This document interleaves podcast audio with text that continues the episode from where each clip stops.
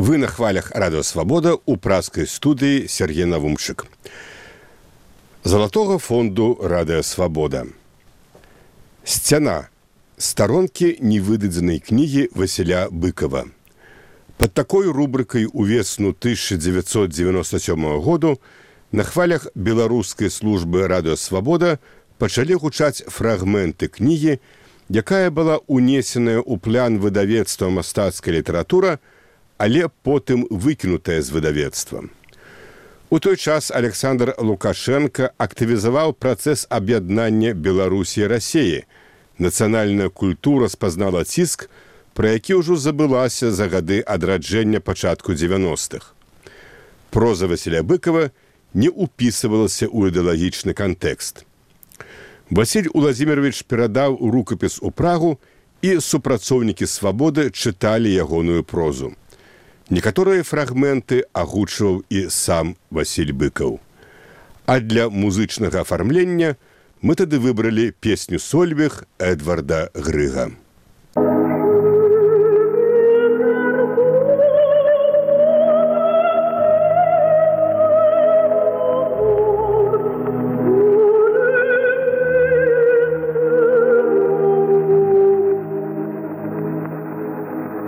Чытальная заля радыё свабода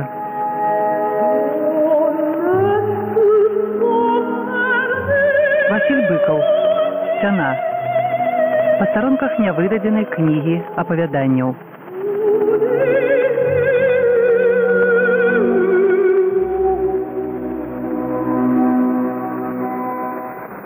прывітанне ў чытальнай зале алена ціханович сёння ў дзень угодка ў беларускай народнай рэспублікі мы пачынаем чытаць ці не самы адметны твор літаратуры прысвечаны слуцкаму збройнаму чыну. Найярчэйшая зорка і найбольш горкая трагедыя ідэі нацыі і народу у класічным апавяданні Васіля быкова на чорных лядах. Але спачатку слова аўтара да слухачоў свабоды. Сярод шматлікіх выступленняў беларусаў за волю і незалежнасць бацькаўшчыны асабліва вылучаецца знакамітая слуцкае паўстанне як яго яшчэ называюць? Слуцкі збройны чын. Калі войскі маладой беларускай народнай рэспублікі выступілі ў абарону сваёй незалежнасці ад бальшавіцкай навалы з усходу. Зыход таго чыну паўстання як вядома трагічны. Бяскроўленыя ў баях палкі случакова адышлі за лань на тагачасную тэрыторыю польшчы дзе былі разброены інтэрнаваны але адышлі не ўсе. Некаторыя ўзброеныя групы засталіся на случанне у яе лесах дзе ў шчыльных аблогах чырвонага войска працягвалі партызанскую барацьбу з захопнікамі. Тая барацьба вядома ж кончылася трагічна. Як трагічна скончаліся ўсе беларускія спробы такого кшталту. Мабыць гэтым людзям было горш за ўсіх бо яны гінулі апошнімі калі надзеі на перамога не засталося ніяк і яны ўжо не думалі пра перамогу нават не думалі пра сябе бо ўжо мусілі апеквацца лёсам сваіх родных што засталіся ў гарадах і вёсках беларусі. Што чакае іх? Жанок бацькоў малых? Яны маглі меркаваць і таму іхнюю апошнюю волю было адвесці бяду ад невінаватых. Што яны і зрабілі коштам уласнай жыцця тое стала ідэйную сутнасцю апавядання на чорных ляд.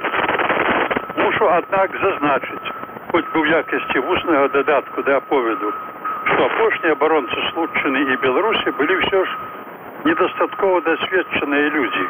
У пэўных адносінах яны былі людзі хоць і гранічна высакародныя, але наіўныя, бо сталася не так, як яны меркавалі. Чекісты умелі капаць глыбока, доўга і мэтынакіравана, адкапалі яны і ахвяр гераічнага паўстання і мала хто з блізкіх яго удзельнікаў застаўся на волі. Увесь пачатак двадцатых гадоў ішлі з беларусі на поўнач і ў сібір бясконцыя цягнікі у якіх вывозілі беларусаў наўрад ці хто ацалеў з тых што неяк прычыніўся да таго паўстання ці да паўстанцу засталася хіба што памяць пра іх а памяць як кажуць людзі будзе жыць вечна прынамсі павінна жыць вечна Васіля быкова вы пачуеце ў нашай праграме яшчэ пазней, а зараз пераходзім да ягоных герояў случакоў. На чорных лядах. Фрагменты апавядання. Называецца даваяваліся. Тое, што яны даваяваліся да рэшты, да астатняй магчымасці, камандзір зразумеў не цяпер і не ўчора, якіх прыціснулі да ракі і секлі ў кустоі з кулямётаў, а яны толькі агрызаліся рэдкімі вінтовачнымі стрэламі. І нават не тыдзень таму, як змардаваныя галодныя невялічкую групай рэштую батальёна туляліся па лесе, не ведаючы, куды паткнуцца, дзе раздабыць правіянт у табакі, пару начных гадзін адпачыць у спакоі. Іхнюю трагічную нявыкрутку камандзір выразна адчуў ужо на пачатку вясны, як стала зразумела, што гэты раён абкладзены з усіх бакоў. Ва ўсіх блізкіх і далёкіх вёсках на хутарах і фальварках поўна чырванаармейцаў, якія браліся за іх няспешна, абачліва, грунтоўна.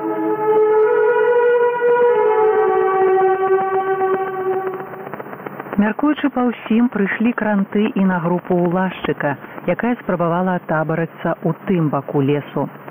Значыцца, і там не было паратунку, як не было яго тут каля морачы, як не было ў гэтых лясах у акрузе на ўсёй беларусі. Яшчэ ўзімку, седзячы ў заснежаных лесавых нетрах, яны спадзяваліся ператрываць халады, дачакацца вясны, калі можа яшчэ ім пашчасціць. Ды не пашчасціла па цяплу па зялёнай траве і тым стала лацвей. І тыя актывізаваліся згрупаваліся абкружылі і пачалі паляванне па ўсіх правілах палявой навукі бы на ваўкоў. Бо тады і стала зразумела што іхнія дні палічаны. Не сёння дык заўтра яны ўсе палягуць. Але добра яшчэ, калі ўсіх пераб'юць. А калі каго возьмуць параненым, непрытомным, павязуць у горад ды пачнуць вызнаваць чый, каму якая радня, хто бацькі, жанкі, дзеці, тады што? Не, яны даўно ўжо ведалі, што пагібель не найгоршае з усяго, што нарыхтаваў ім іхні паўстанскі лёс. Горш, калі яны гінучы пацягнуць на пакуты іншых, тых, дзеля каго па сутнасці распачалі ўсё тое. Нават забітымі яны не знойдуць паратунку ад бальшавікоў як той аксяневіч з курбыкам, што асталіся ля ракі.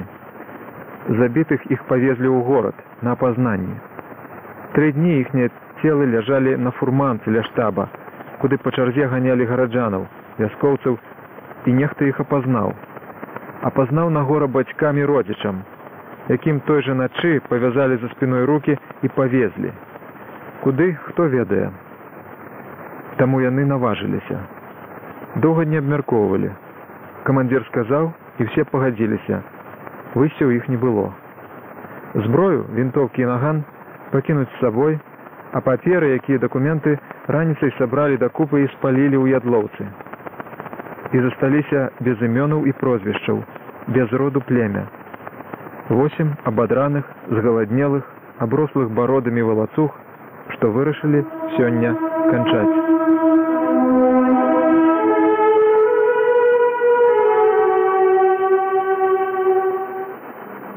доўга брысці ім не выпадала. Камандзір ведаў, што тут недзе павінны пачацца чорныя ляды, а далей можа вярсты праз тры баравы хвойнік скончыцца, пачнецца лугавы прасцяг з дарогай. Там ужо, напэўна, іх чакаюць. Ну, але пакуль што здаецца ім далі нейкі перадых. У лесавой глушы нідзе не было чутна ні голасу, ні крыку, ні стрэлу.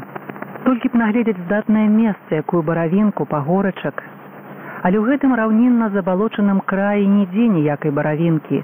Спрэс дрымучыя лясныя нетры бярозы ды сосны імшарыны пясчаны парослы ядлоўцам дол.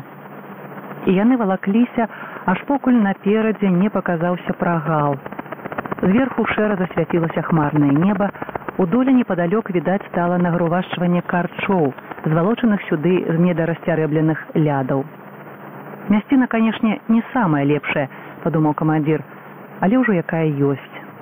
Брысці далей было зусім рызыкова. Казак, давай, стрымана гукнуў ён таго, хто валокся трэцім у гэтым разбрыдным страі. То быў нізенькага росту нявідны паставай чалавечак у шэрай паддзёўцы са стрэльбай на рамяні і кароткай засунутай задзягу рыдлёўкай. Болей рыдлёўкі ў іх не было ні ў каго. На хадзе, вымаючы яе за спіны, казак падышоў да начальнікаў і спыніўся. Ну што, капай. Без роспыту і лішніх слоў казак пачаў раскопваць мяккую імшарыну, пад якой апынуўся светлы, амаль белы баравы жвір.